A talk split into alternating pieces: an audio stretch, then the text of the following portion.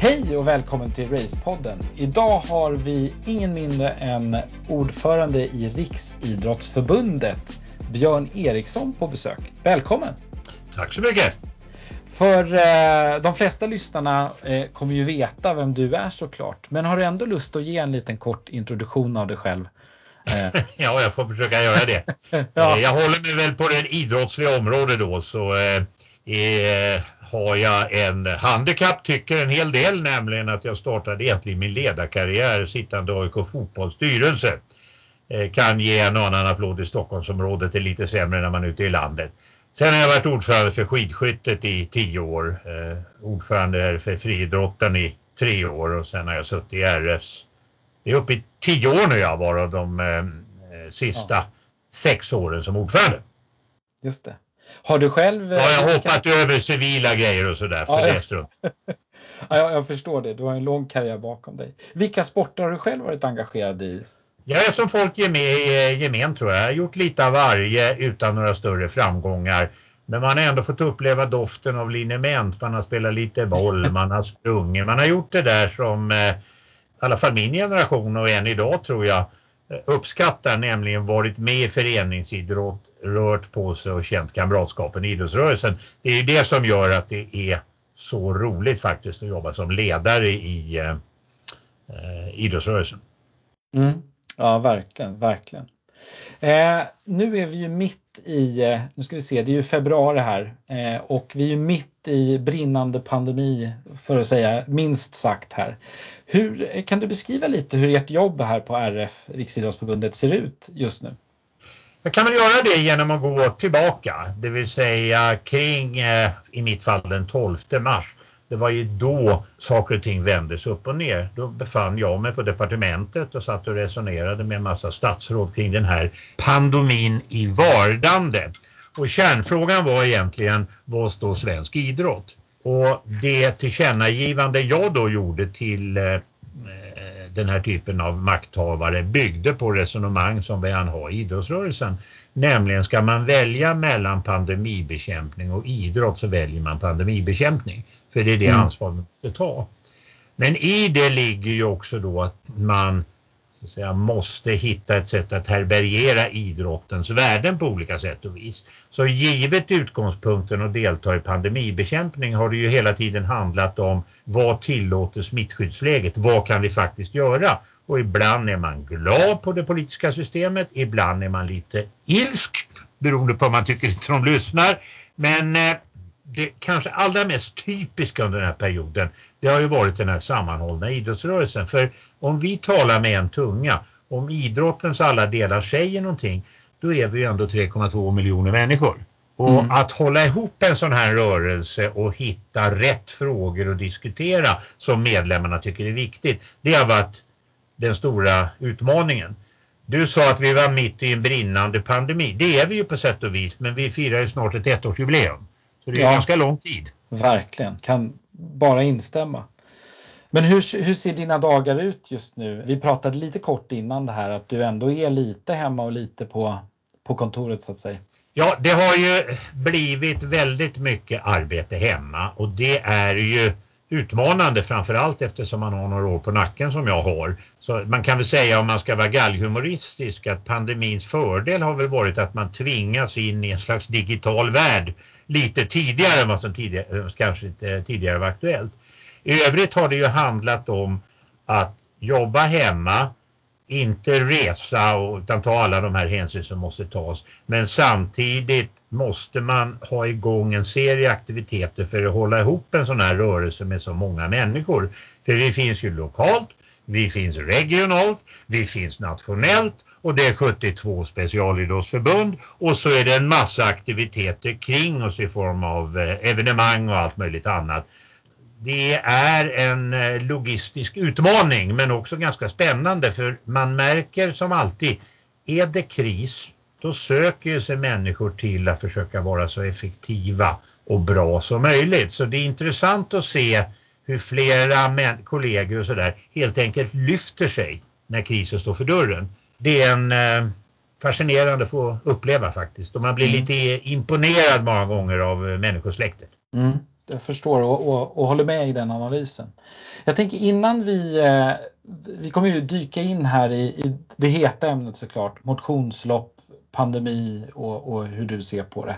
Eh, och jag är jättetacksam att, att du kunde ta dig tid att göra det här. Men jag tänker innan vi djupdyker ner i det, skulle du vilja berätta lite mer om hur ni jobbar med motionslopp så att säga generellt och vad er relation är på Riksidrottsförbundsnivå så att säga med motionslopp? Ja, det tycker jag är en spännande fråga för det är en komplex värld. Å mm. ena sidan har vi ju motionslopp ofta drivna av idrottsföreningar som är medlemmar hos oss. Och då uppstår ju så att säga en indirekt koppling på det sättet. Sen finns det en massa privata motionslopp som lever ett liknande men delvis olika liv. Och sen kommer en tredje som jag gärna lägger ihop och det är det som inte är motionsidrott utan någonting vi kallar VVS. Och det har inte med vatten och avlopp att göra utan det är Nej. väg, vatten, skog. Och då ramlar det in eh, cykel. Jag hade mina tio år i skidskytte. Vi tävlar inte på arenor, vi tävlar i Guds natur. Så det finns liksom flera grupperingar här. Sen är det klart för mig personligen är det ju lite spännande för jag hann ju ändå med att vara ordförande i Friidrottsförbundet i tre år. Och där har vi ju väldigt många av de här motionsloppen kopplade. Jag har dessutom jobbat själv i, i tio år som konsult åt Vätternrundan och då är vi inne på cykling. Så för mig upplever jag er som bröder, systrar och så att säga ett spännande livselixir eftersom det är en del i begreppet folkhälsa, en del i begreppet må bra. En del i begreppet att motverka en massa dumma ovanor och allt möjligt annat.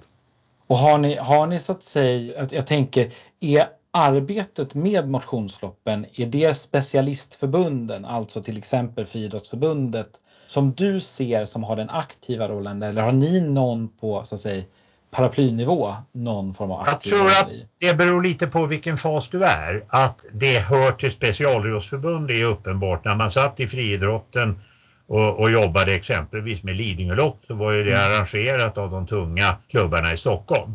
Eh, så det var ju en alldeles eh, given koppling, samma sak med Göteborgsvarvet och, och, och slika ting. Eh, när jag var landshövding i, i Östergötland och jobbade med Vätternrundan och sedermera för det där loppet, ja då var man ju inne på cykling och koppling till cykelförbund. Så det är relationer här hela tiden. Samtidigt är det ju som så att de här loppen har ju egna utmaningar och egna hänsyn att ta. Jag minns så väl när jag jobbade inom Friidrottsförbundet var ju en sån sak som kvalitetssäkring av motionslopp väldigt stort. Hur gör man med de privata lopp som finns som ibland håller otroligt hög klass, ibland kanske lite mer av geschäftskaraktär?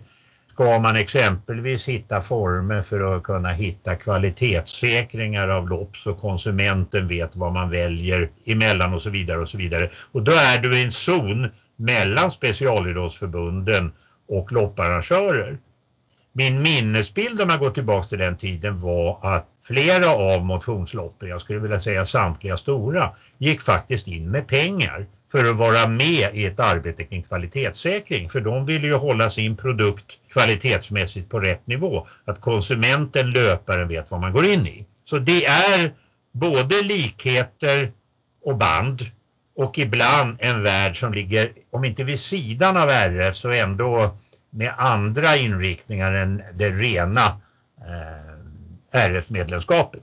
Det innebar för min del att jag tyckte det var väldigt fascinerande att se de här eh, massaktiviteterna. Och det gäller ju inte bara motionslopp. Eh, ta det en sån sak som Vasaloppet eh, och titta på antalet deltagare, hur det här går till. Du tittar på klassikerna, du tittar på Vansbrosimningen. Det här är ju rörelse och idrott. Eh, låt vara att det inte alltid är tävlingsidrott. Så som du hör är jag lite både fascinerad och eh, känner mig lite triggad av det här och kan väl ibland också känna en slags oro. Nämligen om det här loppen kommer till, hur värnar vi om att loppen håller den här så att säga, nivån som vi ska förvänta oss så att det inte blir ett slags geschäft som eh, liksom bara kramar ur russen av det hela och tappar hela den här andra värdet som ligger i gemenskapen, viljeinriktningen, att kämpa länge för att köra ett cykelvarv runt Vättern eller vad det nu kan vara. En spännande fråga tycker jag. Mm. Jag är lite eh, nyfiken eh, också nu när vi är inne och touchar på det här med motionsloppen och eh, som du förstår så är det ju, vi är i kontakt med väldigt många lopparrangörer i form av en egentligen eh, en plattform för motionslopp och vi får nästan frågor varje dag här kring hur ska vi tänka framåt? Hur ska vi kunna överleva den här pandemin om vi får ställa in ett år till? Eh, och som du nämnde, du har nämnt väldigt många lopp som är fantastiska, som är ganska stora i karaktären. Det finns också extremt många lopp som är, är ganska små i förhållande till antalet deltagare och som har ställt in också eh, för att man vill värna om folkhälsan eller för att man egentligen inte kan genomföra ett lopp rent, rent, man går inte runt helt enkelt. Och just nu ligger restriktionerna på åtta personer, vilket såklart är ju för lite för motionslopp. Förra året i början så låg den på runt 50 ganska länge. Eh, då var det fortfarande många som ställde in även de små loppen. Det var några, jag kan, en handfull på sin höjd tror jag som genomförde någon form av aktivitet. Men hur ser du på den här frågan så att säga nu och, och framåt? Jag tänker ganska mycket på det. Jag måste ställa dig en motfråga. När var mm. du senast och kollade Norra Viflåset? Eh, det, det kan jag faktiskt inte påstå att jag har tittat på, just det loppet. Ja. Har du någon gång tittat på Tolvanloppet? Tolvanloppet är jag osäker på om jag själv har varit på, men jag känner till det. Okej, okay, bra. Ja, men jag misstänker ja. att du skulle svara så. Jag säger de där två för det är två mm. mig ner, äh, närstående aktiviteter. Ja. Några vi beroende på att äh, både jag själv men inte minst barnbarna springer med glädje Norra vi-flåset äh, nere i södra Östergötland för där håller vi till på sommaren. Jag bor väldigt nära Tolvanloppet så jag är helt medveten om de här små loppen. Mm. Problemet eller skälet till att vi började resonemangen med de här stora det är det att där är det så stora ekonomiska påfrestningar. De mindre loppen kan ha det men det kan skilja sig. Det kan innebära att när vi i hembygdsföreningen i Norra Vi bestämmer oss för att inte köra det här så kommer vi överleva. Det är bara trist att ungarna och vi själva inte kan springa men vi går inte i konkurs. Vi springer nästa år. Och det gör att eh, paletten av utmaningar är väldigt, väldigt olik. Till det kommer att när jag nämnde de stora loppen så är de ofta finansiärer för underliggande idrottsklubbar. Det är ju inte så att eh, Vasaloppet är någonting bara för Vasaloppet utan det finns arrangörer bakom det. Samma sak med Lidingölopp och annat. Så att det är liksom mini-Sverige eh, som du jämför med småföretag och storföretag. Mm. Allt det där under begreppet motionslopp. Det här inställandet och hela utvecklingen här har varit väldigt jobbig och det är väl en av de frågor där jag inte är helt tillfreds med hur eh, det offentliga livet hanterat frågan. Och det har att göra med att det har varit väldigt svårt att få fram både prioriteringar och beslut från de som arbetar med pandemifrågor. Å ena sidan inser nog alla att om man deltar i lopp och de är smittsäkra så bidrar man till folkhälsa. Om alternativet är hemma och käka popcorn eh, så är inte det en folkhälsomässig vinst. Samtidigt så är kramande och aktiviteten när man springer ett motionslopp tämligen begränsad. Och om man då definierar ett eh, lopp som, en, som vore det en sammanhållen arena. Nu tar jag Vasaloppet igen, det är 9 mil, eller Lidingöloppet drygt 3 mil. Så är det klart att då får det, de lagkomplex som fanns när det här började lite perversa effekter. Det styrs av en ordningslag som i någon mening är byggd på att det är en offentlig tillställning inom något slags tänkt begränsat område, en stadium, en plan eller vad det nu är. Och då blev det problem. Och då halkade den här frågan, tycker jag, lite olyckligt långt bak i prioriteringarna för det fanns så många andra viktiga frågor att ta tag så det här blev lite hängande. Och motionslöpare är ett eh, troget släkte. Eh, det vill säga det gjordes alla möjliga försök att rulla fram anmälningar och man kunde springa eh, enligt egen klocka. Så uppfinningsriken var stor. Men det är ju på det sättet att någonstans går en gräns och det är ju lite det som ligger i din fråga. År ett, ja man överlevde år ett, men det är ju inte av Gud givet att år två och tre överlever man om inget sker. Ska jag då titta på hur det ser ut så kan man väl säga att eh, efter ganska mycket arbete har vi hamnat i den situationen att vi har en dialog med framförallt Folkhälsomyndigheten på de här frågorna. Och Folkhälsomyndigheten är ju otroligt duktiga på virus och basiller och allt möjligt annat. Men det är klart att när de ska bära allting från kockar till resor till fotbollsmatcher till lopp så uppstår ett stockningsfenomen. Och väldigt mycket har ju handlat om hur kan vi då göra för att prata och stå till tjänst och samtidigt de vet att vi faktiskt drivs av att vi vill inte ta pandemirisker. Jag är inte intresserad av att ta ökade risker för att rädda ett lopp men jag är intresserad av när det kan vara smittsäkert.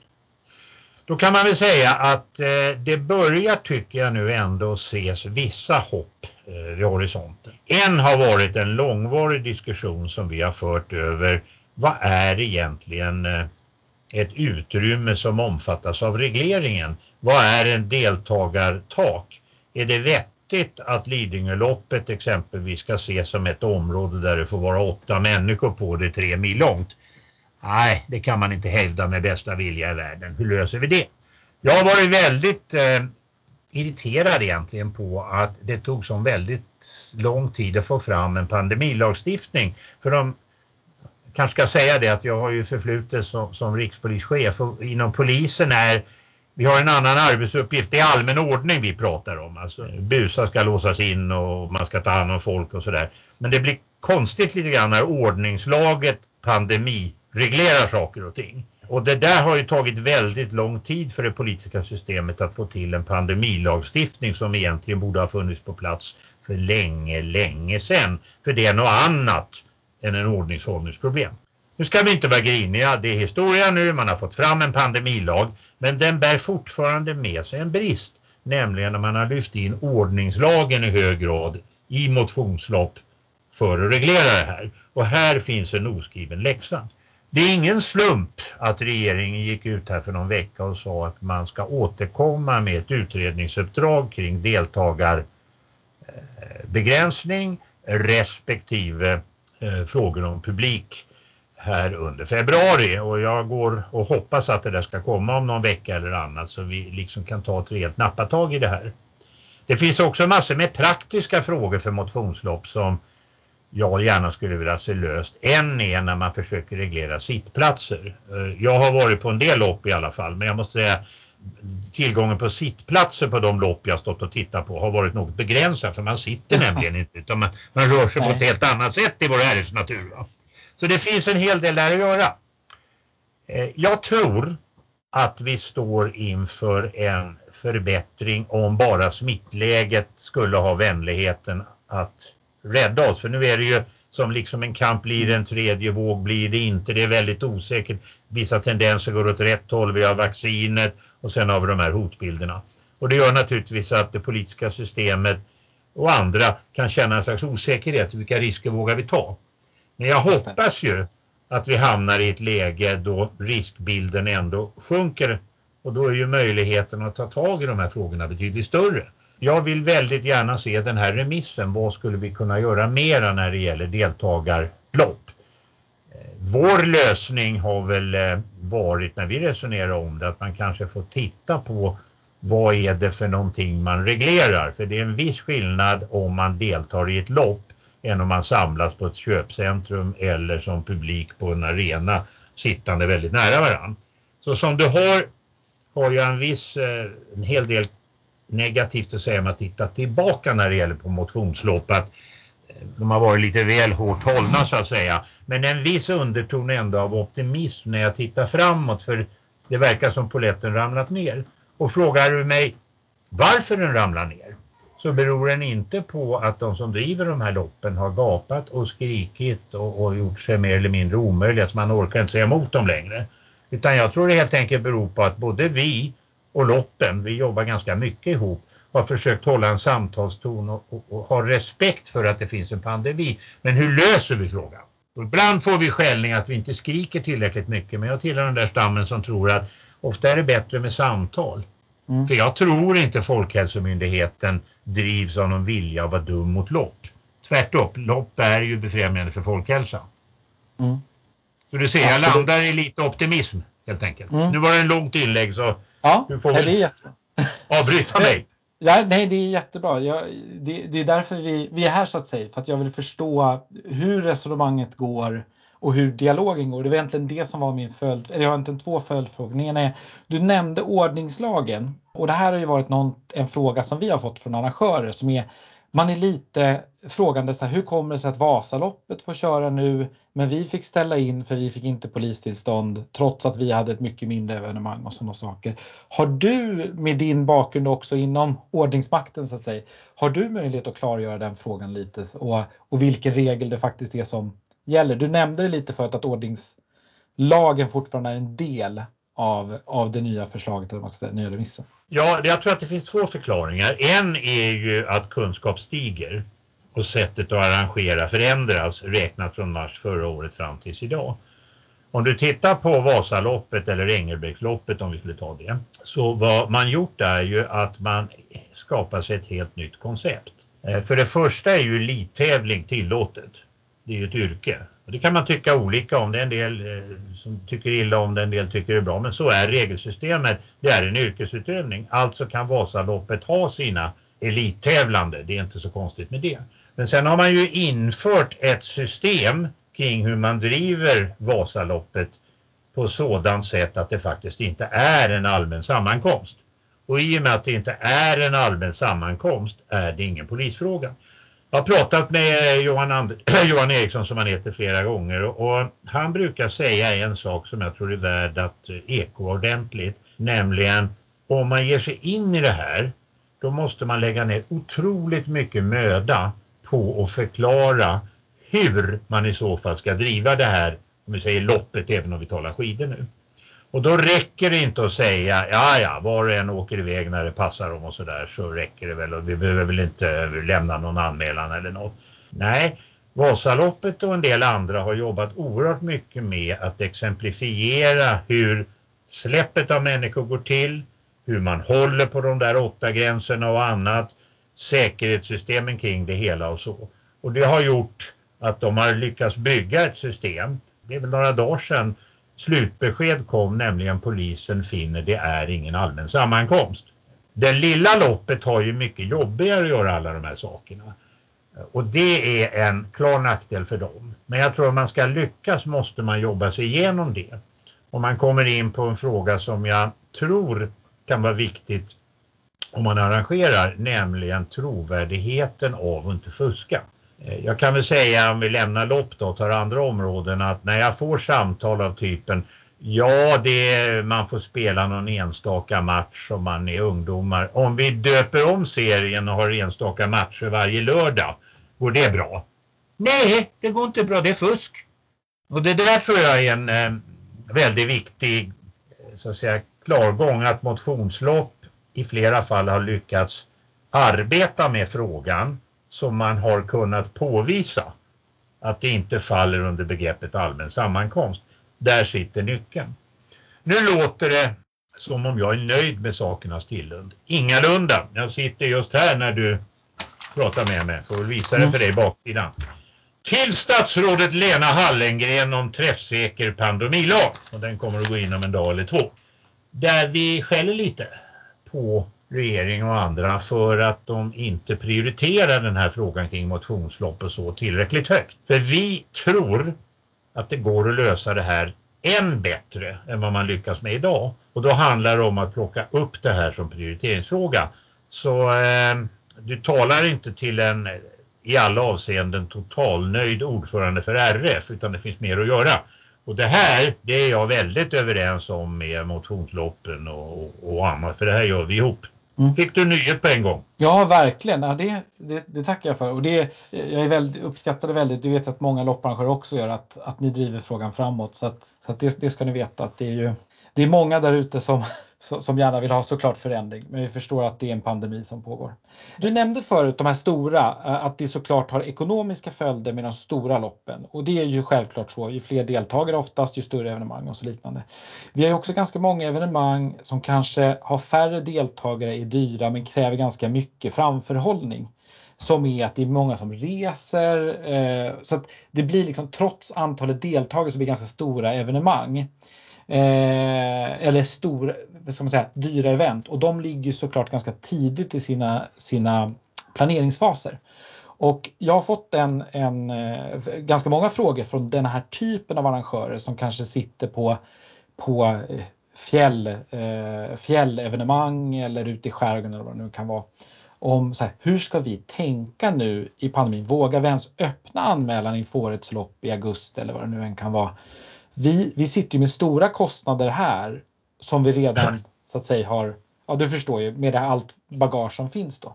Vad är, ditt, vad, vad är din, eh, din rekommendation till de här loppen eh, just nu? Vad skulle du vilja säga till dem? Jag skulle vilja säga till mig själv först, eh, hur ska vi tackla det här problemet som du beskriver och som jag, jag, jag, jag känner igen? Ja, jag tror att vi står inför en eh, brytpunkt nu som är oerhört viktig. Tittar du bakåt, vad vi gjort det här året, så har vi valt ett kompensationsstöd som innebär att vi räknar ut hur mycket intäkter du har förlorat och, och sen får man dra av utgifter man inte hade och så uppstår ett kompensationsbehov och sen har vi eh, genom de pengar vi fått varit i stånd att kanske betala sig 40 procent av eh, minussiffrorna vilket ju annorlunda uttryckt innebär att du tar 60 procent själv. Man får ju vara klar över det. Men om vi håller på med det där hur länge som helst hamnar vi inte i situationen då att vi går ett kvartal och så kompenserar vi 40 procent av det och så går ett kvartal till och sen går kassamaskinen igång och så skickar vi ytterligare 40 procent och så vidare. Är det hållbart på längre sikt? Och jag tror inte det. Utan jag tror att det jag allra helst vill ha gehör för nu och som vi för resonemang med alla politiska partier, såväl regeringspartier, samverkanspartier som opposition, det är egentligen hur omstartar vi det här idrottssystemet? Hur tittar vi framåt? För väldigt många på din kant av de små loppen, där kanske problemet inte är att de inte får in pengar utan problemet är att det drabbar verksamheten. Och då måste du ju titta på hur ska du omstarta det här. Så vad vi håller på med nu det är väldigt mycket att fundera över hur skulle ett sånt här omstartsstöd eller en större del av det man avsätter kunna gå till omstart. Och det där är då lite olika för olika idrotter. Och du ska ju också ha med dig att det finns idrotter som faktiskt är, om inte vinnare på en pandemi, men som definitivt inte drabbas av ekonomiska problem genom att den idrotten kanske passar väldigt väl eh, för det botemedel som vi har mot pandemi, frisk rör, eh, utomhus, röra dig, eh, social distansering och så vidare. Jag ska inte nämna några namn på sporter men du kan säkert se en del av dem framför dig. Mm. Det är vad vi kan göra för det skulle ju i så fall innebära att man hade möjlighet att fundera lite närmare över det du säger när man tittar framåt och inte tittar bakåt. Det finns eh, olika förslag på det där. Eh, ett förslag det gavs ju offentlighet åt igår. Jag vet inte om du har märke mm. till det. Och Moderaterna som gick ut som Du såg det ja. ja. Det är ju en metod. Ja, vi, kanske ska, vi kanske ska återupprepa det så, så lyssnarna vet. Det var att Moderaterna... Ja, jag tycker jag, jag, jag tycker ja, det. Alltså det förslaget som kom i ett utskott i riksdagen det var kan man hitta ett system så om man gör ett lopp som ligger långt fram och sen kan loppet inte gå stapeln skulle det finnas någon slags garanti. I det här fallet eh, 70 procent hade eh, den politiska, de berörda politiska partierna tänkt sig kunna utgå så man skulle våga satsa på, säger jag. Det är en variant. Och det finns kanske andra. Men det gemensamma är det jag säger ideologiskt ska vi se om vi kan titta lite framåt än att bara titta vad har vi förlorat bakåt. Jag kallar det här, eller vi kallar det här scenarioplanering. Och jag vet att många lopparrangörer har tittat ganska noga på den scenarioplanering vi har gjort för 2021. Och jag vet att väldigt många arbetar med egna scenarioarbeten för 2021. För det är klart att eh, Hockeyförbundet kan vara konfronterad med lite annorlunda problem än Friidrottsförbundet eller bågskyttar eller vad det nu är. Men ideologin att göra på det här sättet tror jag är vad vi kan göra. När det sen kommer till hur den enskilda föreningen ska göra då är det ju svårt för mig att vara mycket rådgivare för att där finns det ju olika, olika strategier som olika lopp eller olika utomhusaktiviteter kan tänkas välja. Och det tror jag inte finns en standardiserad, eh, vad ska vi kalla det för, enhetslösning som säljs över disk av RF utan det måste man liksom kanske själv fundera en del över.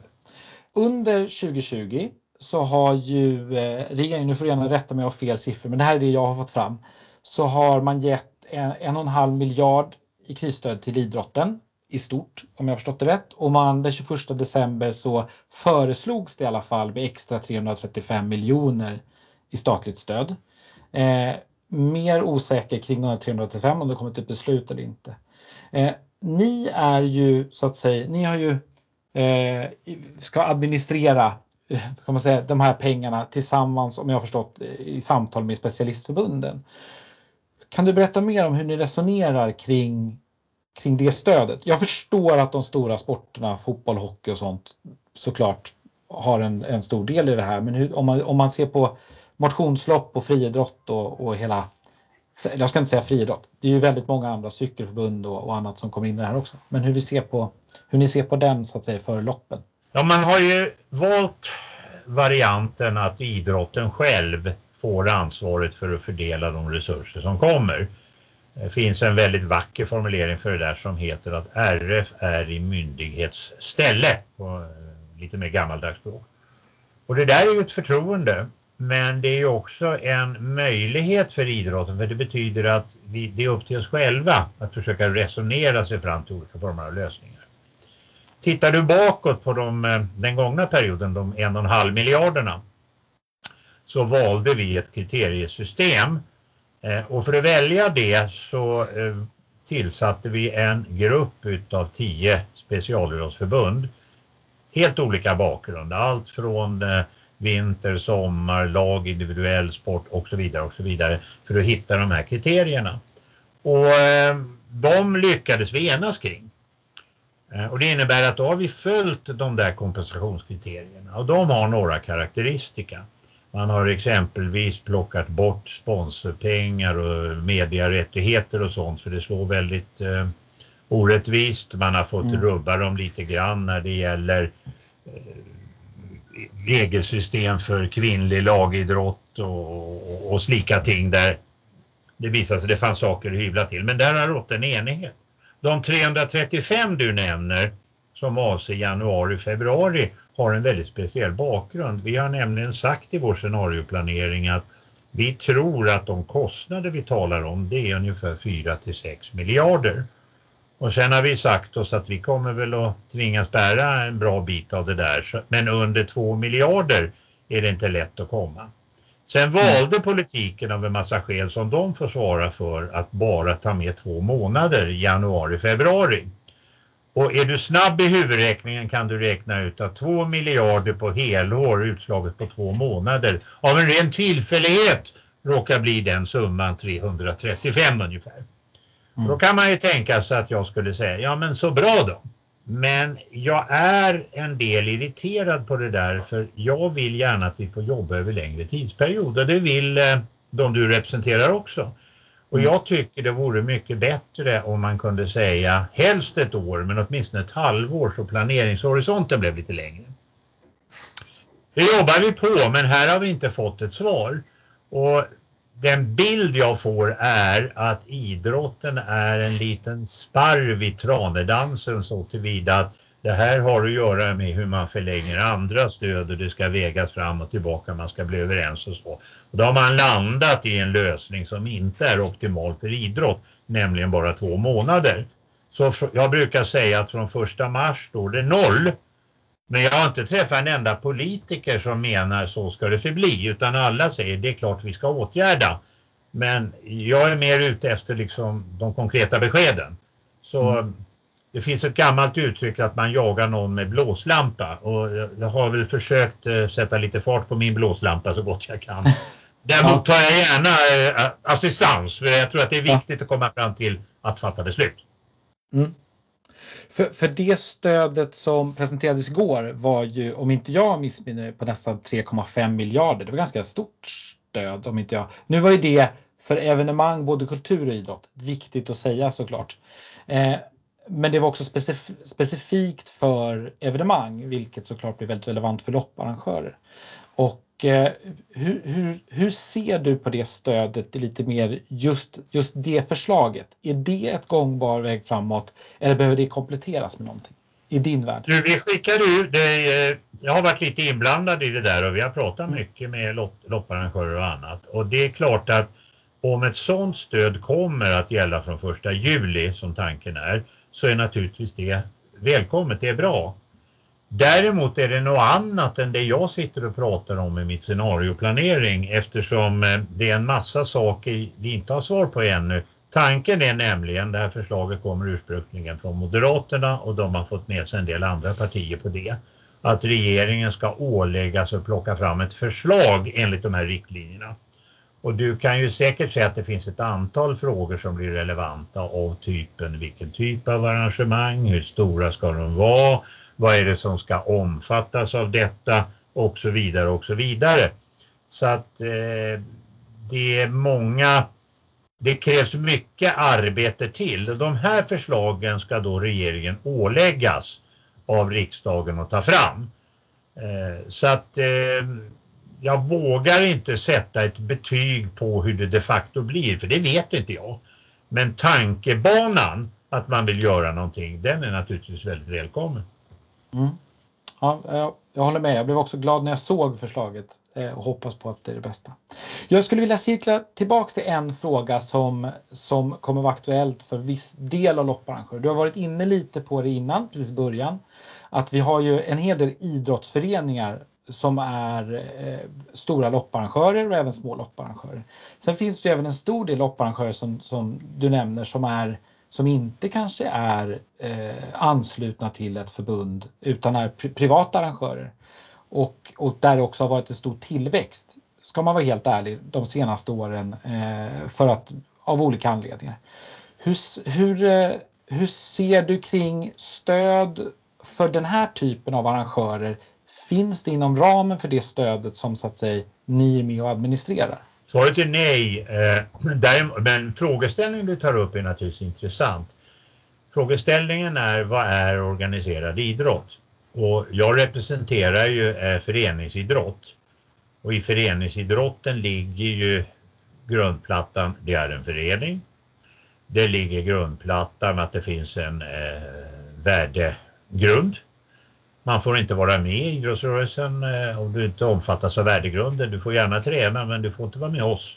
För du har inte vår värdegrund skulle jag kunna tänka säga om du kom med ett upplägg som skulle strida. Till exempel att du hade bestämt att bara brunögda fick vara med i din förening. Så skulle jag säga kämpa på ni brunögda men inte inom vår hankosdörr.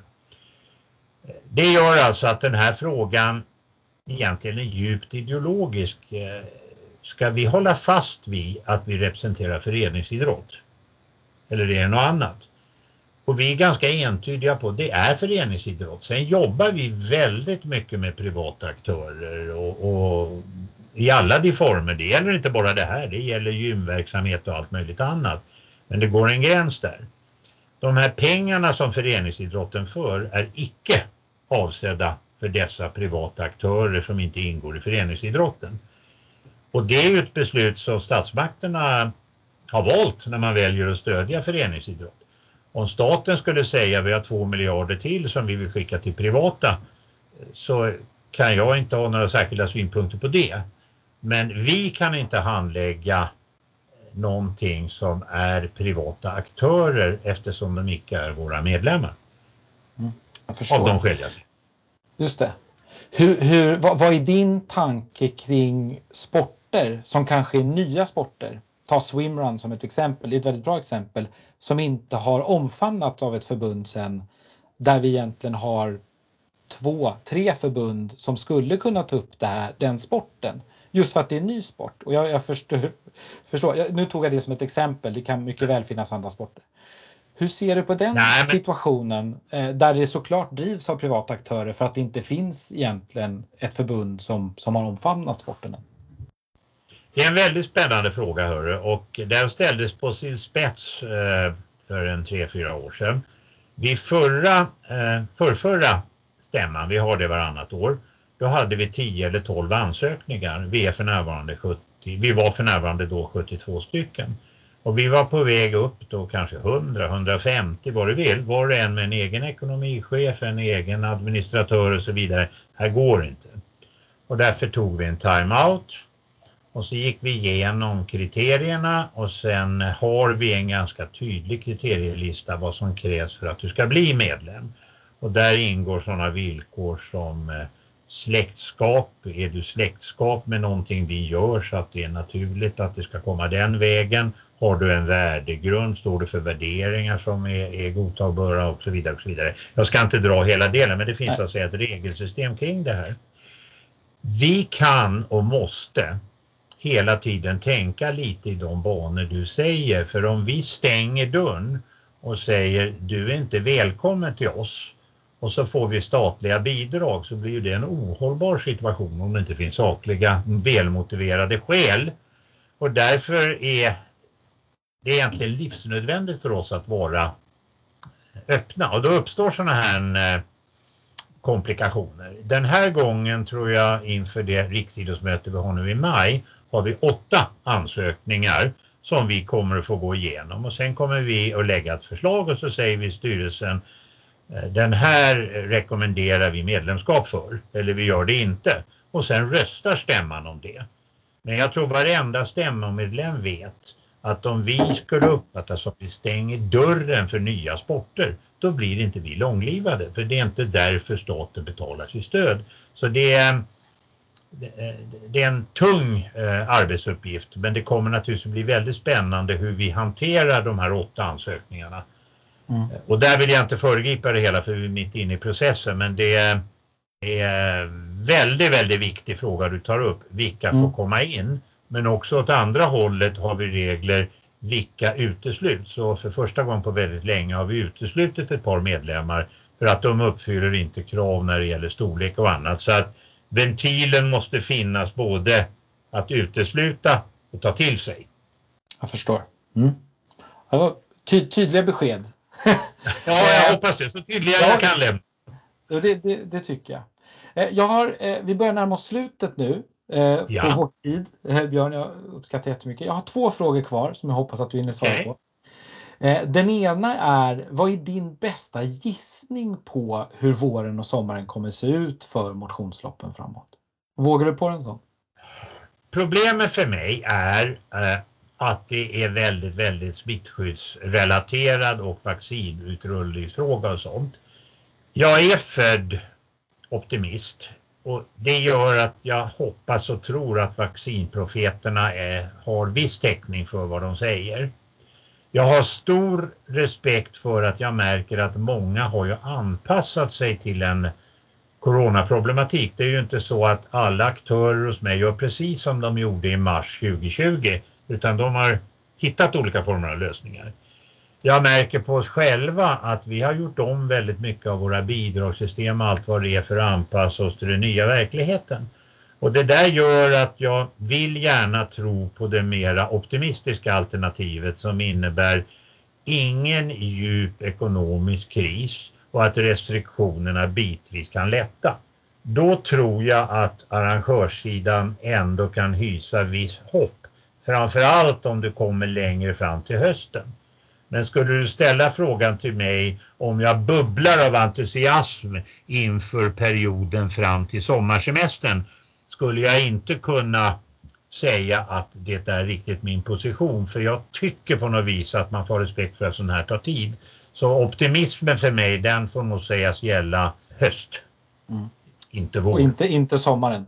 Sommaren avstår jag från för det är egentligen där mm. pendeln lägger sig. Va? Men du vet ju också att eh, sommaren har den egenheten att det verkar ju som viruset inte trivs lika bra på sommaren som på vinter. Och jag tror möjligen i så fall att är man på den mindre arrangörssidan så kanske det är aningen lättare än när man har de här mega-arrangemangen som kräver flera månader av framkörning. Mm. Just det. Den sista frågan jag har till dig är hur, okay. hur tror du att eh, lopp kommer vara, hur, hur tror du att motionsloppsbranschen kommer se ut efter pandemin? Tror du att vi kommer ha förändringar? Tror du att vi kommer ja, det tror, det, det tror jag att det, det, kommer att göra men det var ju egentligen på gång redan innan för att motionslopp som jag har upplevt under den period som jag var inblandad, om du tillåter mig att i motionslopp även lägga in sådana saker som eh, simning och cykling och sådär. Absolut. Har ju blivit någonting som appellerar till en ganska stor grupp av medborgare. Och de här medborgarnas dröm det är ju inte att se framför sig alla tänkbara former av pinande och sådär va. Utan det jag märkte när jag jobbade med Vätternrundan eh, exempelvis det var ju det att utbudet av aktiviteter kring lopp kommer till. Om du gick runt på centrum i Motala och titta på alla som skulle ha någon senaste cykelpump eller en lektion av ungdomarna i cykelklubben i Motala, vilka växlar man använder i olika typer av backar och sådär, så var betalningsvilja och sånt inte alls sådär eh, omöjlig. Däremot eh, startavgifter tycker man väldigt illa om för då får man liksom ingen leverans. Va? Så att jag tycker liksom konsumenten här eh, visar en allt större mognad och är villig att betala för en tjänst som de anser att de får. Och jag tror att loppen kommer mer och mer att lyssna på vad är förväntansbilden av de som deltar och visar stor lyhördhet. Och det gör att det här kommer att se annorlunda ut, tror jag. Men det tror jag inte bara är en pandemifråga utan det är en utveckling av affärskoncept. Mm, absolut. Du hinner en sista fråga som är väldigt relevant. ja, du har sagt sista ja. frågan flera gånger. Ja, jag vill, jag, jag, okay. ja eh, och det är så här. Vi, vi, eh, det hade ju med den här frågan som var uppe i, i, i mars egentligen om det här med att du var ute ganska snabbt och sa att eh, lopparrangörer borde kunna hävda force majeure som en del eh, för att inte återbetala loppavgifter. Och min fråga är väl egentligen hur ser du och ni på RF framåt i den här frågan? För då är då och nu är nu såklart. Så att eh, det är en nyfiken fråga bara om du har ändrat dig eller om den, du är kvar i den. Nej men det hände ju någonting väldigt viktigt när jag och många mer än mig sa det. Nämligen att man började bland motionsloppen titta över sina force majeure-formuleringar. Och då visade det sig att Göteborgsvarvet, Lidingöloppet så hade lite olikheter. Vissa mm. hade ganska vattentäta formuleringar som man kunde göra bedömningen, där kommer att klara sig i domstol. Andra hade det inte. Nu blev ju utgången så när eh, principbesluten kom, när folk klagade, eh, ändå hyggligt. Alltså, man kan säga att det fungerade mycket bättre än katastrofscenarierna. Och så vitt jag vet har loppen nu ändrat så att de sitter betydligt säkrare på den här punkten än man gjorde tidigare. Det som hjälpte oss första gången tror jag också var att väldigt många av oss eh, vanliga motionärer, vi känner för de här loppen. Så man, många var också redo att säga, jag struntar i att försöka få in mina 300 kronor eller 400 kronor det känns inte okej okay, eftersom det här, det är lite synd om den här arrangören och jag gillar ju egentligen att det finns lopp. Så ska vi säga offerviljan eller viljan att betala någon slags kollekt var väl också eh, i vissa fall påfallande hög, vilket jag tycker hedrar svenska befolkningen. Mm. Ja, tack så jättemycket. Tack eh, så mycket Björn återigen och eh, riktigt spännande att höra här, ditt resonemang kring motionsloppen och även höra hur ni arbetar på Riksidrottsförbundet. Så stort, stort tack! Tack ska du ha själv! Jag vill också rikta ett stort tack till dig som har lyssnat på det här avsnittet av Racepodden. Inom kort kommer vi att återkomma med en annan spännande gäst som kommer att ge sin vy på hur vi ska ta oss igenom loppbranschens stora utmaningar under pandemin. Så håll utkik i våra kanaler och även där du hittar poddar. Tills dess får jag önska att ni har så himla grymt i spåren där ute och att ni håller er friska. Ha det gott! Hej!